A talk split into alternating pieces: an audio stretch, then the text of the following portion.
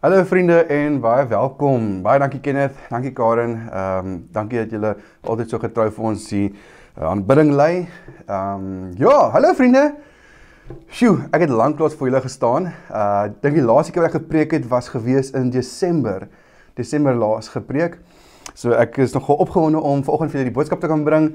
Dit is reg my voorreg en dit voel vir my vreemd om hierdie kant van die kamer te staan. Gewoonlik sit ek daar agter die rekenaar En ek het die opening gesels met julle in kuier saam met julle in die oggende en nou het vanoggend met Johan die opening gedoen. So ek en Johan het lekker rolle uh verander. So dankie Johan. Ehm um, so ja, Titus. Vriende, ek wil graag begin met julle gesels vanoggend oor Titus, die boek van Titus. En ek het 'n uh, een of twee dinge wat ek graag met julle wil deel rondom die boek van Titus, maar ek wil eers 'n bietjie met julle gesels rondom die die kultuur en situasie en wat in Titus aangegaan het. Uh, en ons het ons onlangs die Openbaring reeks gedoen. As jy dit nie gekyk het nie, ek graag aanmoedig om kyk asseblief. Is daar op YouTube. En ons het die Openbaring reeks ons gesê dat wanneer ons 'n brief in die Bybel lees, moet ons vra die wie, wat en die waar. Ons moet vra wie is die skrywer? Waarom skryf hy die brief? Vir wie skryf hy dit? En wat is die omstandighede en die doel um van hierdie brief? Maar ja, volgens se boodskap is 'n ligte boodskap. Dis nie 'n swaar boodskap nie. Ek wil graag julle 'n bietjie deurvat hierdie storie van Krete en die brief van Titus en dan wil ek graag aan die einde dit bymekaar bring met 'n paar uh drie dinge wat ek ehm um, wil uitlig wat ek in Titus 2 ehm um, gaan lees vanoggend. En dan wil ek graag ehm um, hê ons moet so in ons lewe van toepassing maak. So dis 'n ligte boodskap in die sin van dit mag dalk nie iets niets wees nie. Maar dit is ook 'n ernstige boodskap want dit is iets wat ons moet regkry. Uh en ek hoop ek vanoggend daai dringendheid ook by julle ehm um, dat dit by julle so sou deurkom. So ek het hierso ook saam met vanoggend um, Chris wat in my plek ook instaan en vir ander hierso so dankie julle is uh, ek baie dat julle ook saam met ons hier is. En en ja, so vriende as jy nog nie geblaai het, kan jy langs my blaai na Titus 2 asseblief in julle Bybels na Titus hoofstuk 2. Ja, uh, as jy nog nie Titus en Timoteus deurgelees het, wil ek graag aanmoedig gaan lees dit deur. Dit is baie kort. Dit is regtig kort, maar dit is nogal uh dis dis twee twee drie briewe wat baie populêr is wat kerke en kerkleiers gebruik word as 'n handleiding vir kerke ensovoorts. Um, en ek gaan graag 'n bietjie met julle hieroor gesels en 'n bietjie agtergrond gee. Maar voordat ek dit doen, kom ons net eers eers die oor aan bid ons saam. Vader, moet sê vir U dankie dat ons vanoggend bymekaar kan kom, Here. Here, ek weet nie van waar af om ons inskakel nie. Ek weet nie wie almal op hierdie oomblik luister nie. Maar Here, ek wil bid en vra dat U ons harte sal kom rustig maak, Here, dat U ons harte sal ontvanklik maak om te luister na U woord, om te luister wat is wat U vir ons wil sê, Here, en dat ons vanoggend bemoedig sal word, Vader. Vader, ek mis my vriende, ek mis die ek mis die gemeente. Ehm um, en dit is my lekker om hier en daar iemand weer te sien wat lanklaas is net. Maar Here, U weet ons mis mekaar ook en Here, waar ook al almal vandag is, daar iets is wat dalk pla, is hulle hart ook swaar is, as hulle bemoediging nodig het, as daar iets wat hulle mee worstel of wat ook al is, Vader, kom herinner hulle vanoggend dat U lief is vir hulle dat U hulle omgee, dat hulle kosbaar is vir U en dat hulle net aan U moet vashou. Ons sê vir U dankie vir liefde en genade. Amen. Amen. So, vriende, die eerste vraag wat ek wil vra, wat ek wil vra is is wie is Titus? So ons is uh, ons het hierdie brief van Titus en my onderwerp vanoggend is 'n brief van Titus lewe heilig te midde van 'n korrupte wêreld en ek gaan dit nou vir julle mooi uh verduidelik. So Titus is 'n Griekse volgeling gewees van Paulus. Hy was ook 'n medewerker gewees van Paulus.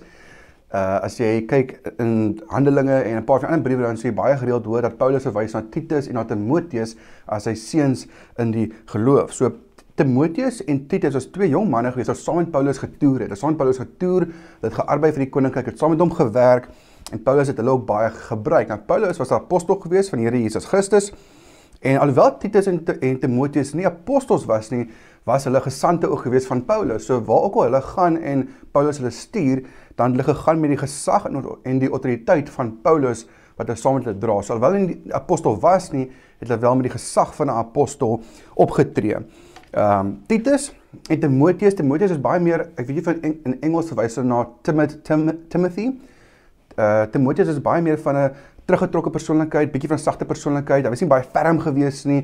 Paulus moes hom gedurig aanmoedig en sê, "Moenie, kom aan, moenie net mense op op neer kyk met die jonkes nie. Jy staan sterk. Uh, weet, doen wat doen wat jy moet doen."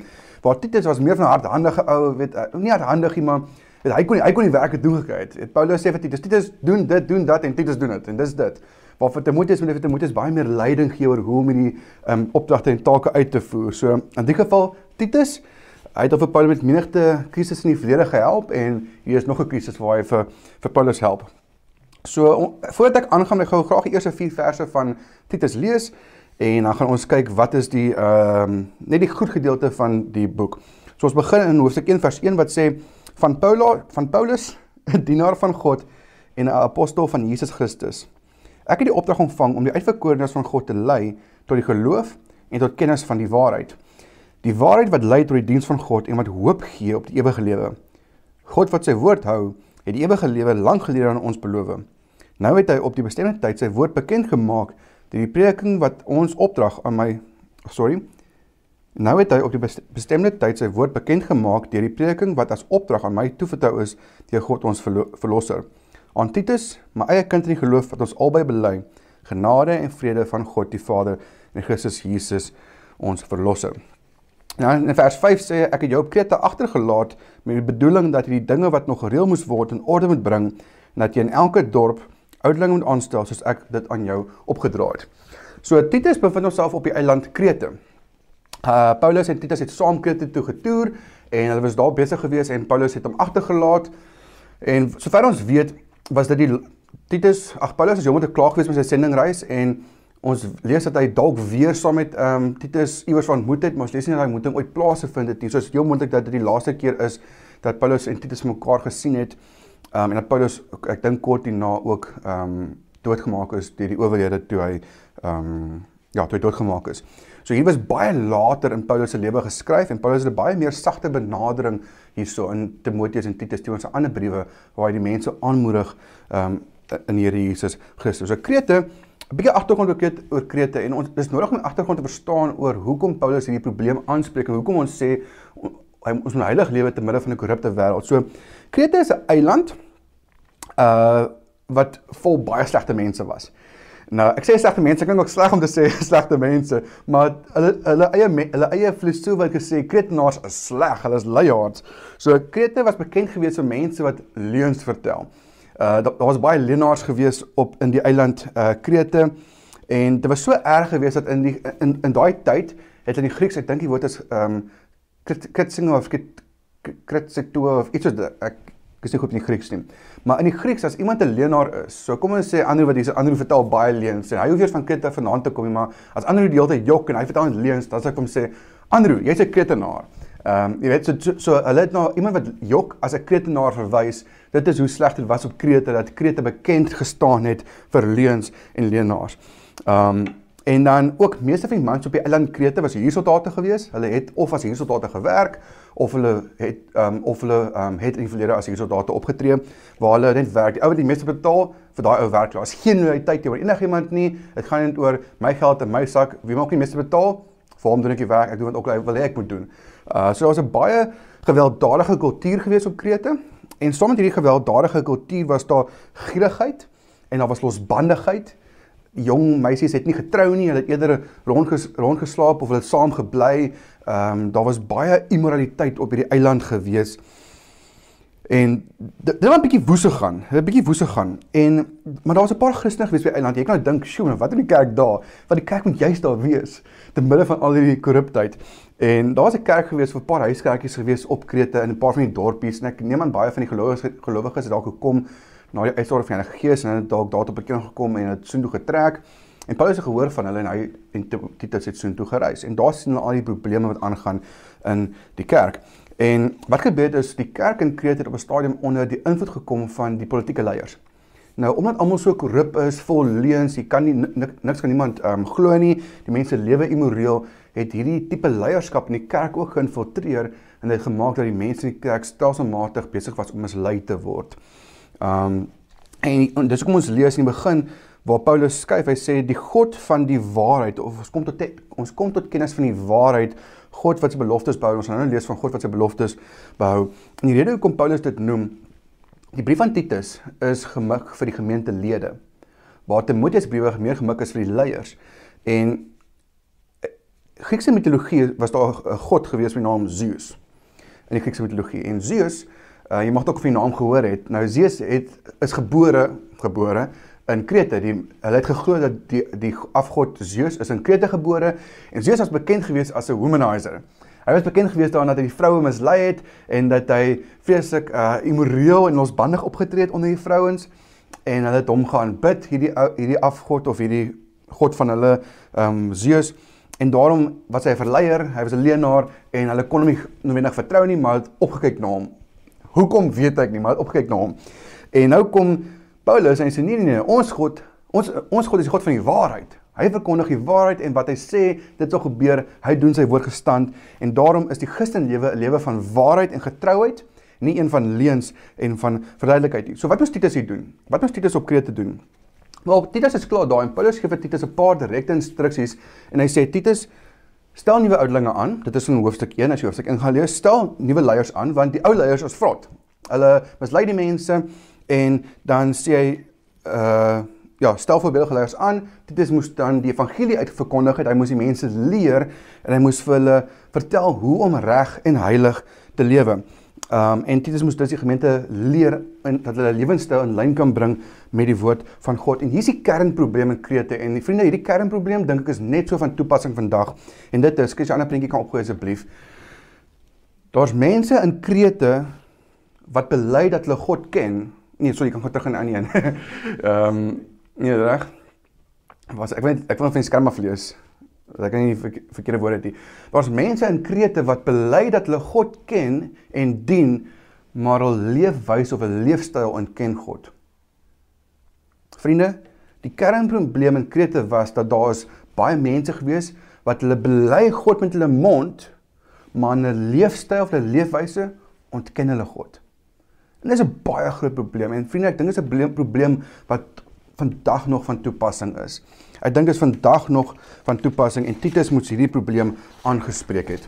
Nou julle 'n paar jaar terug gesels met 'n vriend en ons het 'n daar 'n situasie afgespeel. En ons het selfs wat gebeur het. Nou was 'n lekker situasie en my vriend noem dit die volgende. Hy sê, "Maar as dit is hoe 'n Christen optree, dan wil ek nie meer kerk toe gaan nie." As dit is hoe 'n kind van die Here optree en hy sê as 'n kind van die Here, dan wil ek nie meer kerk toe gaan nie.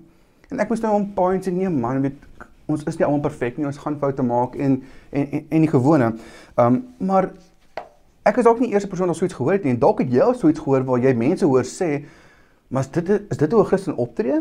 Is Christene veronderstel om so op te tree?" As dit is hoe 'n Christen optree, dan wil ek nie 'n Christen wees nie of ek wil nie Christen genoem word nie of ek wil dalk nie kerk toe gaan nie. En dis 'n baie sterk klug teen ehm um, Christendom of dalk teen mense wat hulle self Christene noem. Ek kyk graag vir Ravi Ravi Zacharias. En as jy nog nie van gehoor het, jy kan hom gerus op YouTube gaan opsoek. Ravi Zacharias is 'n groot evangelis wat nou onlangs oorlede is. Um baie wyse man, baie opgelees, baie ervaring. En Ravi spreek altyd die mense toe met baie ernstigheid wanneer hy die skades toespreek. En ek kyk 'n onlangse preek wat hy um, op YouTube van hom en hy en hy vertel van die preek hoe hy met iemand met 'n uh, hoëgeplaaste hy hy sê nooit die name nie want hy hy kom met baie hoëgeplaastes in die wêreld um, tegemoet. En ek gesels met die hoë geplaaste en mag dalk miskien 'n moslim gewees het. Um of ateïs dalk, maar hy hy nie ou voer debat oor die woord en oor Jesus en goeters en hy sê hierdie ou op 'n stadium sit die ou se die ou sit so vorentoe in sy stoel en ek kyk vir Ravi Zacharias in die oor en sê vir Ravi Ravi I very much like your Jesus but I don't like your Christians. I very much like your Jesus but I don't like your Christians. Dit was toepstil geweest na auditorium. Jy kon speld oorval toe daai woorde sê. En en weet en, en, Rabbi begin verder praat daaroor. En vriende, dit is 'n persepsie wat party mense dalk het waar hy sê Jesus, as ek Jesus in die Bybel lees, dan ek hou van daai Jesus wat jy wat jy my van vertel, maar ek hou nie van hoe party Christene optree nie. En dit is hoekom hierdie boodskap ongelooflik belangrik is. En ek wil hê dat jy vanoggend te harte moet neem oor oor David Paulus vir Titus ehm um, sê dat ons osself sal ondersoek sou instel ons eie lewens en sê Here help my dat ek nie een van daai mense is wat dalk so tipe reaksie kan ontlok um, by die mense nie. So baie keer dink ek is ons Christene, baie keer ons ons grootste vyand omdat ons dalk een ding verkondig en ons verkondig evangelie en ons praat oor liefde en vergifnis en alles, maar in ons eie lewe pas dit nie wenig toe nie. Ons doen en later stem nie ooreen met wat ons verkondig nie en dit doen skade aan die koninkryk en dit dit is reg nie goed nie. Dit en dit en dit moet ons lewens effekteer. En as dit nie ons lewens effekteer nie en ons lewe nie heilig nie, dan gaan ons die Here ons nie kan kan gebruik soos hy wil hê ons moet gebruik nie. So daarom vriende, Vanoggend ek vir julle kom bemoedig en julle kom herinner asseblief en ons moet heilig lewe. Ons lewens moet in ooreenstemming wees met die woord van God sodat ons die evangelie kan aantreklik maak. Nou elkeen van ons wat vanoggend ingeskakel is, insluitende ek, ons is sondaars van natuur. Van geboorte af, ons is gebore in die wêreld, ons is gebore in sonde en iewers moet ons 'n punt bereik waar ons bekeer van ons sondige lewe waar ons Here aanneem en ons gryp Here aan en ons kom tot bekering en die Heilige Gees kom kom binne in ons, hy kom vernuwe ons ons begin hierdie stap, ag hierdie pad stap saam met die Here Jesus en begin ons 'n pad van heiligmaking en om heilig te lewe. En in Titus 2 vers 1 tot 10 praat Paulus oor wat van ons verwag word as ons heilig lewe van die verskillende ehm um, mense. Hy gee 'n paar riglyne wat die woord van ons ook verwag. Maar ek wil gou vinnig twee dinge kwalifiseer. As ek sê dat ons heilig moet lewe, dan beteken ek nie dit beteken ek is 'n engeltjie nie. Dit beteken nie ek het gearriveer en ek weet presies wat reg en verkeerd is en dis haha ek is beter as jy ander storie weet jy is nie 'n engeltjie nie alles behalwe 'n engeltjie. Ehm um, nee, dit is nie waarna verwys nie. Ehm um, wat ons hierna verwys ook is dat ek nie sondeloos is nie. Dit die dag as ek tot bekering kom, dan sterf my natuur vir sonde, maar ek doen nog steeds dinge verkeerd hier en daar. Ehm um, en ek gaan baie keer fouteer, Maar dit beteken ek is sondeloos soos Jesus nie. Ek kan eers sondeloos wees die dag as ek die oorwinningspaal behaal het, die dag as ek ewige ewige lewe beerwe saam met die Vader en en so voort. En dan wat ek wel bedoel met heilige lewe, as ek sê vriende vanoggend dat ons moet heilig lewe, dan bedoel ek dat ons lewe moet ingestel wees volgens die woord van God. Ons moet hierdie woord bestudeer sodat ons lewe ingestel is hier volgens. En wat ek verder bedoel by 'n heilige lewe beteken my aksies en my gedrag word bepaal deur die woord van die Here. Word deur die woord van die Here bepaal, nie deur my vlees nie. In ander woorde, die Bybel moet 'n hoër gesag in my lewe hê om te sê as ek optree in sekere situasie, my vlees wil hê ek moet so reageer en ek moet verkeerd ek moet dalk iemand terugkry of iets ek weet nie wat dit mag dalk wees nie maar dan moet ek sê nee nee nee hoe wil die Bybel hoe wil die Here hê moet ek reageer hoe wil, wat verwag die Here van my die Bybel moet 'n hoër prioriteit in my lewe um geniet en dan ook dat ek doen wat die Here van my verwag so bes sover ek kan. Ons gaan nie alsvoor 100% reg kan kry nie, maar ons doen ons bes en die Here gaan ons daarin verder help. En dan laastens, as ek sê dat ons heilig moet lewe, dan beteken dit ons 'n lewe moet lewe wat aanneemlik is vir die Here.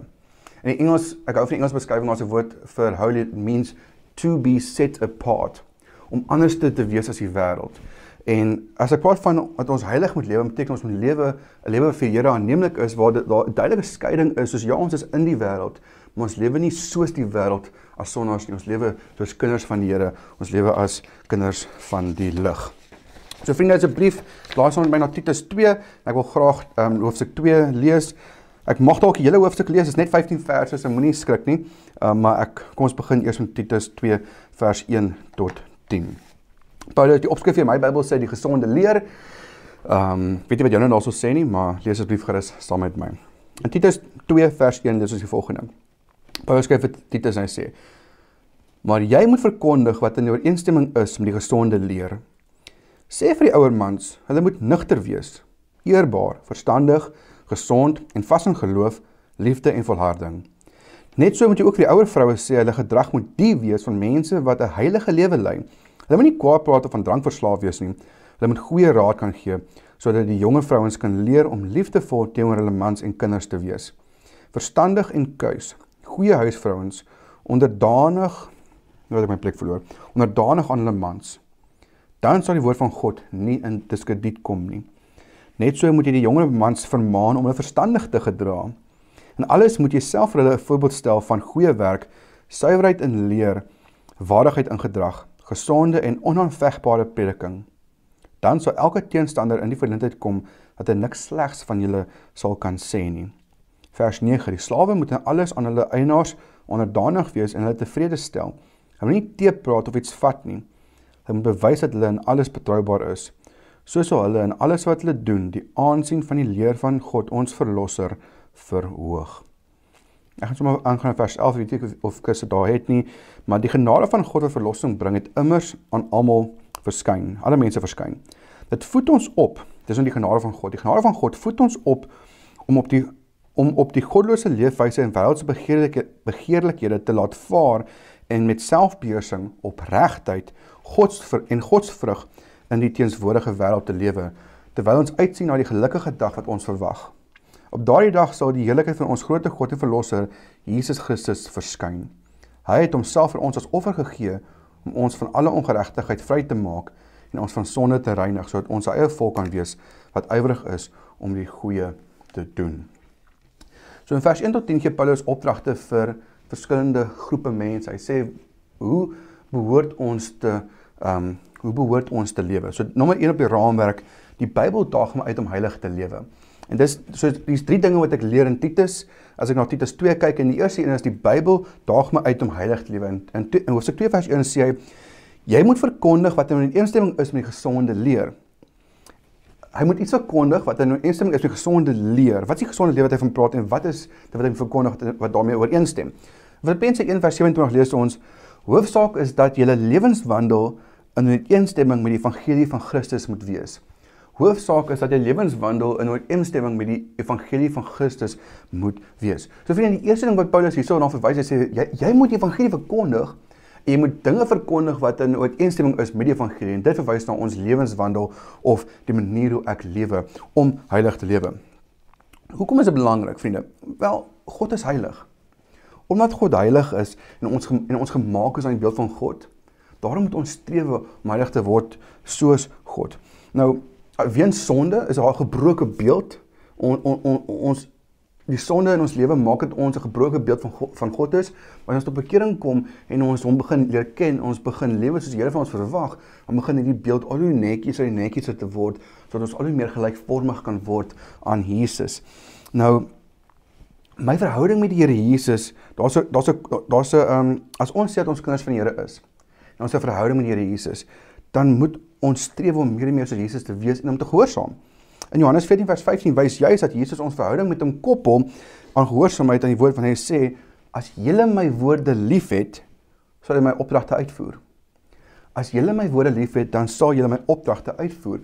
As ons sê ons ons is kinders van die Here, ons is lief vir die Here Jesus, ons is lief vir die Vader, dan moet ons gehoorsaam wees aan sy opdragte. Die Bybel daag ons uit om heilig te lewe. 'n Vriend van my met wie ek nou ja gesels het. Dit was nou seker so 3 weke terug gewees. Ek gesels met 'n vriend van my. Hy vertel vir my hy het, hy het iemand wie hy ken wat in die NG Kerk groot geword het. Hy het in die kerk groot geword. Ehm um, en hy en hy sê hy's 'n kind van die Here. Maar hy handhaaf 'n spesifieke leefstyl wat die woord van God definitief verbied. Hy handhaaf hierdie hierdie hierdie, hierdie leefstyl en Paulus maak dit baie duidelik dat iemand wat hierdie tipe leefstyl handhaaf sal nie die koninkryk van God beerwe nie. En ons gesels die oor en, en hy sê dit vir my maar dis dis van moeilik. Is die persoon werklik waar gered of nie? En ons begin toe praat oor die ding van van redding. Sê ek vir hom maar die vraag is om een weet hy die Bybel steeds verkeerd of nie.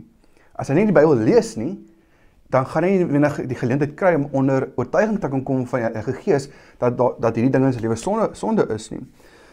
Maar aan die ander kant word daar baie hieroor gepraat en en, en dis 'n groot onderwerp in kerke wat maar bietjie twis baie keer veroorsaak. Um En die ou is hartseer want hy weet nie maar as jy nou gered of is hy nie gered nie en hy weet ook nie hoe om dit aan te spreek met persoon nie want die persoon se leefstyl getuig definitief nie van Christus in hierdie opsig nie. Hy hy's 'n wonderlike persoon. Hy's vriendelik en hy's baie gawe ou en hy's 'n great ou, maar die leefstyl wat hy handhaaf word baie uitdruklik in die woord verbied. En hy vra toe van Marian, hoe is weet hoe maak hy dan? En en en ek en ek dink aan die volgende vers in Efesiërs 4 vers 22 tot 24 wat lees: Hou dan op om te lewe soos jy vroeër gelewe het breek met die ou sondige mense in julle wat deur sondige begeertes verteer word. Julle gees en gedagtes vernuut word, lewe as nuwe mense wat as die beeld van God geskep is, lewe volkome volgens die wil van God en wees heilig. Vriende, wat sê hy? So hy sê, hou dan op om te lewe soos jy voorheen gelewe het. Die feit jy tot bekering kom en bely Jesus, beteken nie alles gaan skielik outomaties ophou nie. Jy gaan nie net eendag lus voel, okay, ek is nie meer lus vir hierdie ding nie. Jy gaan moet dan sê, okay, as ek hierdie Jesus aangryp met my hele lewe, en ek wil hom dien, dan moet ek myself onderwerp aan sy woord en ek moet heilig begin lewe en dan moet ek begin kyk, wat sê die woord van God? As die woord van God sê ek moet ophou om te lewe soos ek vroeër gelewe het, wel dan moet ek ophou. Dit beteken ek moet dalk my vriendekringe verander, ek moet dalk spesifieke mense of situasies vermy. Ek moet breek met die ou lewe. Dis 'n aktiewe woord. Dit is nie jy so dit staan nie jy staan nie jy so um uiteindelik wegbeweeg en dit beter word. Dis nie 'n breek met die ou sondige lewe. Stop dit stop dit. Ek kyk so hele rukkie terug kyk ons 'n video van ons het hier by kantoor se video klip gekry. Ag, dit was so, soveel pet geweest as die video gesien het want dis die vrou gaan na 'n beraader toe. En dan vertel hulle nou vir die beraader maar alle probleme en dat hierdie issues en Dan sê hy, "Wat is jou probleem?" Dan sê die persoon, "Ek ek ek, is bang vir huis, ek is bang om in 'n om in 'n huis ehm um, wat se elevator uh ek is bang om in 'n huiskraan in te gaan of huisbak. huisbak. Dan sê hy, "Stop dit." Dan skrik dan skrik die vrou. En dan sê "Wat volgende?" Dan sê nie- niemand sê sy sy sy's bang om te bestuur. Dan sê "Stop dit." En nou ek ek weet dit is nie so eenvoudig nie. Jy kan net altyd sê stop dit nie. Maar in die geval sê die skrywer van Efesiërs vir ons, ons moet stop. Stop met die sonde, stop met die met die met die ou lewe en ons moet ons gedagtes en ons gees laat vernuwe word deur die woord van God en ons moet as nuwe mense ehm um, lewe wat in die beeld van God geskape is. In Levitikus in Levitikus 20 vers 26 staan daar: "Julle moet heilig lewe, want ek, die Here, is heilig." Vriende, ons God is heilig. God is heilig, daarom moet ons heilig lewe. God is genadig, daarom moet ons genade toon aan ander mense. God is liefdevol, daarom moet ons liefde toon aan ander mense. Ons is gemaak in die beeld van God. Jy is gemaak in die beeld van God en jy het nodig om jouself daaraan te herinner dat jy kan weet die Here verwag van my heilig te lewe. Maar dit is nie onmoontlik nie. Ek kan dit doen want ek is gemaak in die beeld van God en hoe meer ek die Here dien, hoe meer ek my lewe oorgee aan die oorgee aan die Here, hoe beter kans of hoe vinniger gaan ek by daai punt uitkom waar ek heiliger begin lewe. En die vraag is, hoe kan ons heilig lewe? Jy weet, wat moet ek doen om heilig te begin lewe? Wel, die eerste beginpunt is lees die woord van God. Wel, okay, eerspunt sal seker wees bekeer eers. As jy nog nie die Here dien nie, bekeer van jou sondige lewe, sê vir die Here jy is jammer en begin tyd in woord te spandeer. Want vriende, wanneer jy Johannes 1 vers 12 almal wat hom aangeneem het, die wat in hom glo, dat jy reg gegee om kinders van God te word. As jy in Jesus glo en jy neem hom aan, jy ontvang jy ontvang die Heilige Gees, jy word 'n kind van God. Maar nou moet jy hom begin leer ken. En om te leer ken, spandeer jy tyd in die woord en soos jy tyd in die woord begin spandeer jy begin lees jy begin lees en jy begin lees, dan kom die Heilige Gees en hy kom begin, hy begin jou oor dinge te oortuig wat in jou lewe verkeerd is en dan het jy 'n geleentheid om daarop te reageer en te sê, "Oké. Okay, die Bybel sê ek moenie vloek nie, so ek gaan ek moenie daar moenie kriet op my mond uitkom nie. So, okay, ek gaan ek gaan hier begin werk en dan sê Here, help my asseblief van die kriet op my mond uitkom nie." Ehm um, daar's daar's menige dinge, maar 'n beginpunt is begin tyd te oor te spandeer in die woord. Die tweede manier wat jy kan doen is, is kom tussen ander gelowiges. Of dit nou jou familie is of by die kerk, kom tussen ander gelowiges wat daai vers is iewers in Spreuke wat sê ehm um, soos eisters soos eisters op eisters so vorm twee vriende mekaar. Ehm um, wanneer ons tussen ander mense kom wat die Here dien en as geesvervulde mense dan kry ons die geleentheid om of mekaar te regwys en sê, "Hey man, hierdie ding wat jy gister gesê het, dit was nie mooi nie. Jy moes dit dalk nie iewers gesê het nie of hoorie, uh, jy moet dalk twee keer dink voordat jy hierdie ding doen." Um, ons ons kry geleentheid tussen mekaar ook om mekaar uit te daag en te help om heiliger te lewe. Maar vriende, dis 'n gedurende proses. Jy gaan nooit punt by vir jy sê ek is nou perfek, ek is heilig, ek is hier nie. Dis 'n aanhoudende proses wat wat aangaan en aangaan tot die dag wat ons by die Vader uitkom. Die tweede ding wat vir uitstaan in Titus is nou en dis nommer 2, die Here verwag 'n heilige lewenstyl van almal. Die Here verwag 'n heilige lewenstyl van almal. In vers In vers 2 skryf Paulus en sê sê vir die ouer mans. En, en in vers 3 sê hy net so moet jy ook vir die ouer vroue sê. In vers 4 praat hy met die jonger vrouens. In vers 6 praat hy met die jonger mans en in vers 9 praat hy met die slawe. En ek dink die huidige ek dink as jy die konteks van slawe moet terugtrek vandag toe sal we wees na werkgewer en werknemer dalk so maar by die werk moet jy nie steel van die werk af nie en jy moet doen wat van jou verwag word en nie die mense beny nie wat ook al. So ek dink ons kan daai en so saam deurtrek. So Paulus hierso, hy verwag 'n heilige leefstyl van almal. Nie Paulus nie, die Here wanneer hy die opdragte gee. Of jy nou oud of jy jonk is vriende, jy ons word nie oorgesien of gevrywaar nie. Partykeer hoor mense het ek al ek weet jy al gehoor, partykeer hoor ek iemand sê, "Ja man, hy's nog jonk, los hom omdat hy foute maak." Nee. Dis nie die regte gesindheid om te hê nie. Die ding van ek die jong ouens, luister vir my baie mooi, jong mense, tieners en jong mense, studente. Die feit jy nog jonk is, dit vrywaar jou nie om te sê maar ek wil die lewe eers geniet nie. Beteken nie jy kan gaan en ek wil al die dinge ek het nog baie tyd om reg te maak, maar man los my, ek is jonk. Nee, jy kan nie daai verskoning gebruik nie. Die Here verwag 'n heilige lewenstyl van almal of jy jonk of oud is, klein of groot, amper of ek sê dik of dun. Dit maak nie saak nie. Die Here verwag 'n heilige lewenstyl van almal. 'n kind mag nie verskoon word as hy verkeerde dinge doen en net afgeskryf word en sê maar ag, is met 'n kind los hom nie. Nee, wat doen ons as 'n kind iets verkeerd doen? Ons wys hom reg. Ons help vir hom om te leer uit sy foute en sê nee, dit wat jy doen is verkeerd. Jy moet so maak, maak so. 'n regwysing, dis baie nodig. Vriende, as jy regtig die Bybel kyk, die Bybel gee baie instruksies vir al die verskillende ouderdomsgroepe. Daar's spesifieke plekke in die Bybel waar waar die Here sekere situasies aanspreek of sekere 'n voorbeeld gee oor hoe sekere mense hulle self moet gedra as hulle kinders van God is. In Timoteus lees ons hierso wat vir die weduwees sê dan sê hy in Timoteus daar so hy sê die weduwees moenie rond staan heeldag skinder nie. Hulle moet eerder trou en besig bly. En dan en vir jong mense in Psalm 119 skryf hy daar in Psalm 119 vers 9 Hoe kan 'n jong mens sy lewe skoon hou deur om te hou aan die woord? So vir jong mense sê hy, jong mense, kom in die woord, bestudeer die woord, lees die woord, leer wat is wat God van jou verwag, leer leer oor wie God is, daai vernuwing sal van binne af plaasvind, dan kan jy op die regte pad bly. En dit noem hom sê, skryf God vir die vir die ouers of die paas en hy sê leer julle kinders my woord dag in dag uit. Skryf dit op julle hande neer, skryf op jou voorkoppe neer. As jy gaan slaag, as jy ag gaan slaag, as jy gaan slaap, as jy opstaan, as jy iewers heen gaan, vertel vir jou kinders van die woord van God dag in dag uit, lewe dit. Vir die ou mense, vir die jong mense, vir die ma's en pa's, die Here verwag van almal van ons om 'n om 'n heilige lewenstyl te handhaaf. Prediker sê dat God gaan eendag van ons rekenskap eis. En Prediker sê ook hy sê jong mense, doen wat op jou hand vind om te doen. Doen dit ook op jou hand vind om te doen. Geniet die lewe. Leef jouself ten volle uit. Maar hy sê maar hy sê maar onthou God gaan van jou rekenskap eis. En die hele lewe kan opgesom word in dit vriende, wat die preker sê alles is tot nut. Of jy nou hard werk, of jy baie geld het of jy niks het nie, as jy al die seksuele losbandigheid probeer deurgaan, die preker skryf en sê ek het alles probeer, ek het alles getoets. Ek het drank getoets, ek het wetenskap, ek het vrouens, hy het homself in alles verlustig en vervulling probeer vind waar hy kon en hy sê niks kon vir my vervulling gee behalwe dit wat hy by die by die Vader, by die Here Jesus kan kry nie. Net God kan daai vervulling hier binne daai hinkering binne jou binne jou ehm um, bevredig. Dan sê hy volgende, die lewe kom neer op twee dinge. Dien God en gehoorsaam sy gebooie. Dis by alles neerkom. En wat Paulus hier van 'n verwag en sê, ouens, julle moet heilig lewe, maar julle almal moet heilig lewe. Of jy oud is of jy jonk is, dit vrywaar jou nie van die verantwoordelikheid om reg op te tree en ehm um, toelaat dat die woord bepaal hoe ons lewe hoe ons lewe nie.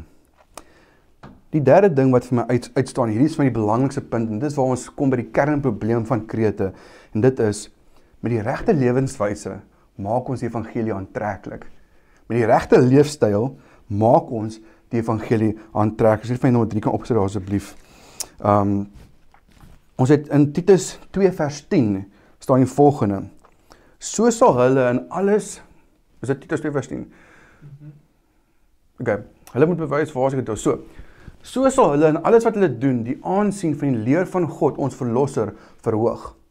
So hy het nou net opdrag gegee vir al die ouderdomsgroepe, dis hoe julle moet optree, dis hoe julle moet lewe en dan sê hy en so sal julle die aansien van die leer van God ons verlosser verhoog. Ek hou van die Engels dit sê in die NIV, hy sê so that in every way they will make the teaching about God our savior attractive. Die hele rede hoekom ons heilig moet lewe, vriende, sodat ons die evangelie, die boodskap van God en die woord van God aantreklik kan maak. Dit is hoekom ons die gesonde lewe moet aanhang en moet streef na heiligheid sodat die evangelie en die woord van God aantreklik kan wees.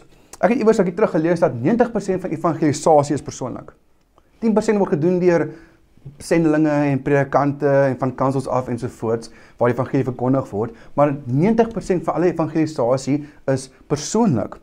Nou, ek weet nie van jou nie, maar as 90% wat die meeste um, van evangelisasie op 'n persoonlike vlak toe um, plaasvind, dan beteken dit dat ons persoonlike lewens in orde moet wees sodat kan getuig van die evangelie. Help nie net ons probeer mense kerk toe nooi en sê kom luister wat die predikant sê en kyk wat hy sê en doen wat hy doen nie.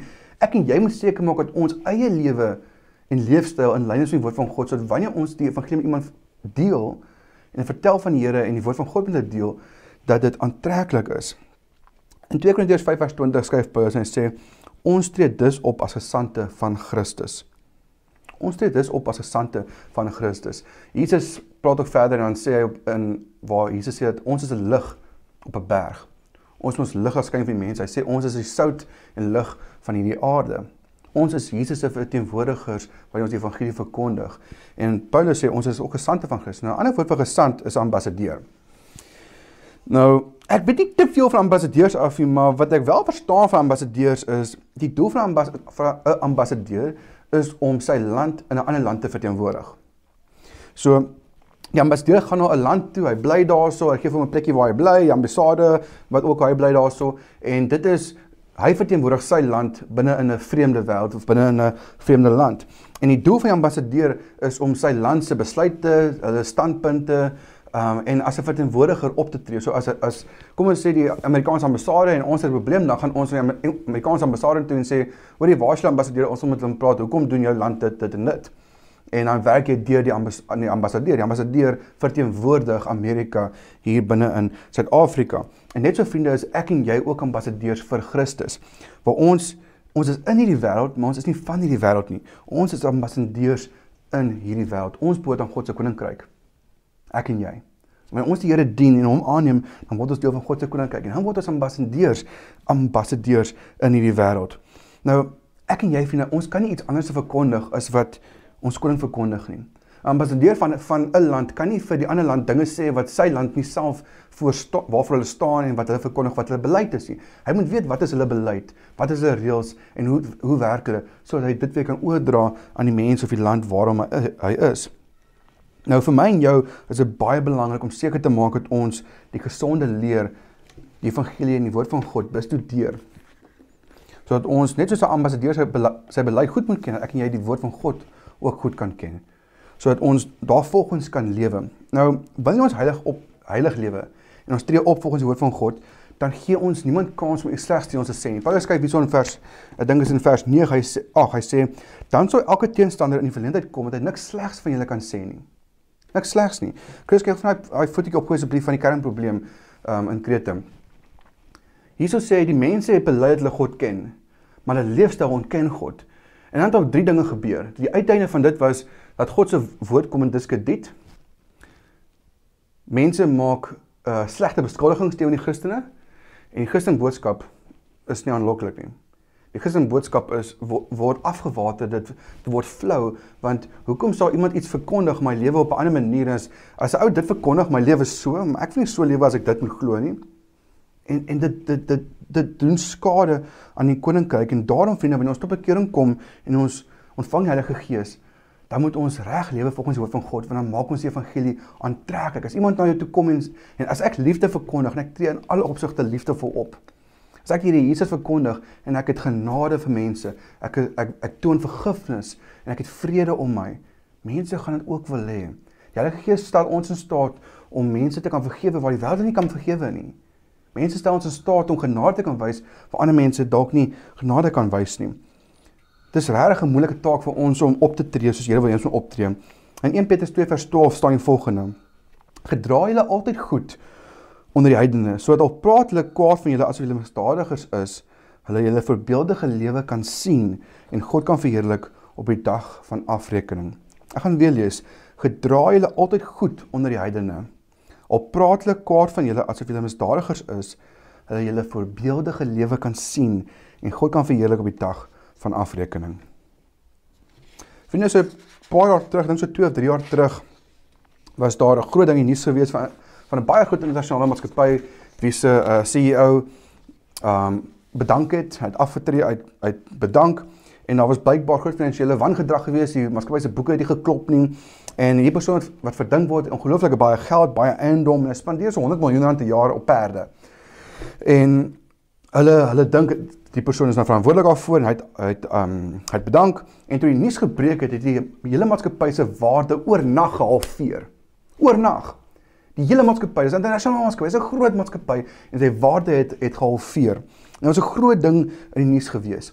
Nou, die maatskappy keer nie korrupsie goed nie. Die maatskappy keer nie goed die dinge wat dalk gebeur het nie, maar as gevolg van een ou se optrede het die hele maatskappy daaronder skade gely.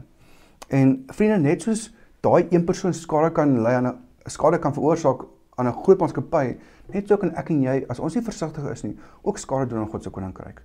Ons doen skade wanneer ons sê ons as kinders van die Here maar steen op soos kinders van die Here nie. En dis hoekom ek vanoggend se boodskap vir so belangrik is. Wat Paulus vir Titus sê, hy sien nie die probleme hier in Krete en hy sê niemand ouens. Julle is perfek geposisioneer om reg oor die wêreld die evangelie te kan versprei. Ek gaan 'n prentjie opgooi, dankie Chris. Krete sit hierso in die middel van die van die Groot See. Hierso is Rome en Griekeland, daarso is Siprus en, Tur en Turkye en onder is, is Afrika. Hulle Krete sit in die perfekte posisie met hulle hawens om die evangelie uit te sprei na die res van die wêreld toe. En dan kom mense van al verskillende dele van die wêreld kom daar by mekaar by die hawens en sien hoe die Christene optree. Dit skep nie 'n goeie indruk nie. En dis kom Paulus so dringend vir sy neem aan ouens, lewe reg. Titus leer vir hulle sorteer die dinge uit en help hulle om reg te lewe.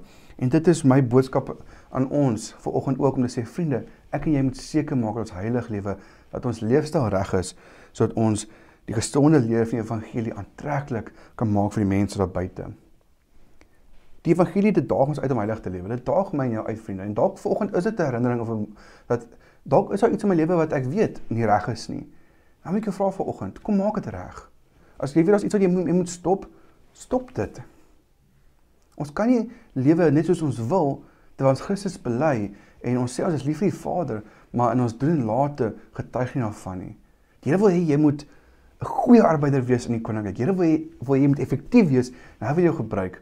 En as ek jou vanoggend net daarmee kon bemoedig het, dan is my gebed dat tussen die almal, studente, jong mense, oumas, oupas, paas, mamas, dat ons ons sal lewe volgens die woord van God dat ons aksies en woorde gelaai sal wees met genade, met liefde, met selfbeheersing. Maar Paulus hier skryf waar hy sê dat ons in hierdie teenswoordige wêreld sal lewe met selfbeheersing, opregtheid en godsvrug. Dis my gebed vir vir ons vanmôre. Vriende, kom ons sal die oor dan bid ons saam. Vader, ek sê vir U dankie dat ek net gehad het om bietjie dankie gesels met Titus Vader en waar ons hierso leer in die woord Here wat U van ons verwag. Here, dan blyk dit dat dit baie keer reg moeilik is. Baie keer moeilikhede om om al die dinge reg te kry. Dit is moeilik om altyd te doen reg te doen wat U van ons verwag. En baie keer sê ons iets verkeerd of ons doen nog iets wat verkeerd is. Here kom help ons dat ons gesindheid en gesindheid sal wees van ons wil U dien. Ons wil graag reg doen teenoor U. Here, dat U deur die Heilige Gees ons ook kom help. Here Paulus skryf en hy sê dis die verlossingswerk van die Here Jesus Christus. Die Here Jesus Christus het in keuse sterf en hy het daai verlossingswerk, hy prys betaal sodat ons nie die prys van sonde hoef te betaal nie. En as gevolg van dit kan ons 'n hoop hê, Vader. Ons het 'n hoop op die ewige op die ewige lewe. En daarom Here streef ons om heilig te lewe. Ons streef om meer te lewe soos U uh, wil hê ons moet lewe, Here, want ons wil graag U, u tevrede stel. Maar Here, ons wil graag ook hê ander mense moet gered word. En Vader, ons kan die mense aan U toe bring en die evangelie van gee of verkondig as ons lewe nie ook daarvan getuig nie. Kom help ons vanmôre Here dat ons lewens lewende weerspieëling en getuienis sal wees Vader van u goedheid en u genade en u woord. Ek sê vir u baie dankie Here. Amen. Amen. Vriende, baie dankie dat ons ingeskakel het. Dit is regtig uh vir ons 'n voorreg om julle te kan bedien. En net laastens voor ek oorskakel uh, weer oorgie na Kenneth hulle toe. Wil ek ek wil ek wil jou vra. As jy met ons kontak wil maak asseblief in die chat, sit jou nommer daar in die chat. Ons maak graag met jou kontak. Ons bel jou na die tyd, ons bel jou in die week of vul die kontakvorm in of gaan ons webtuis webtuise toe by www.gesinskerk.co.za ons sal graag met jou saam met jou wil bid um, en met jou kontak wil maak. Baie dankie.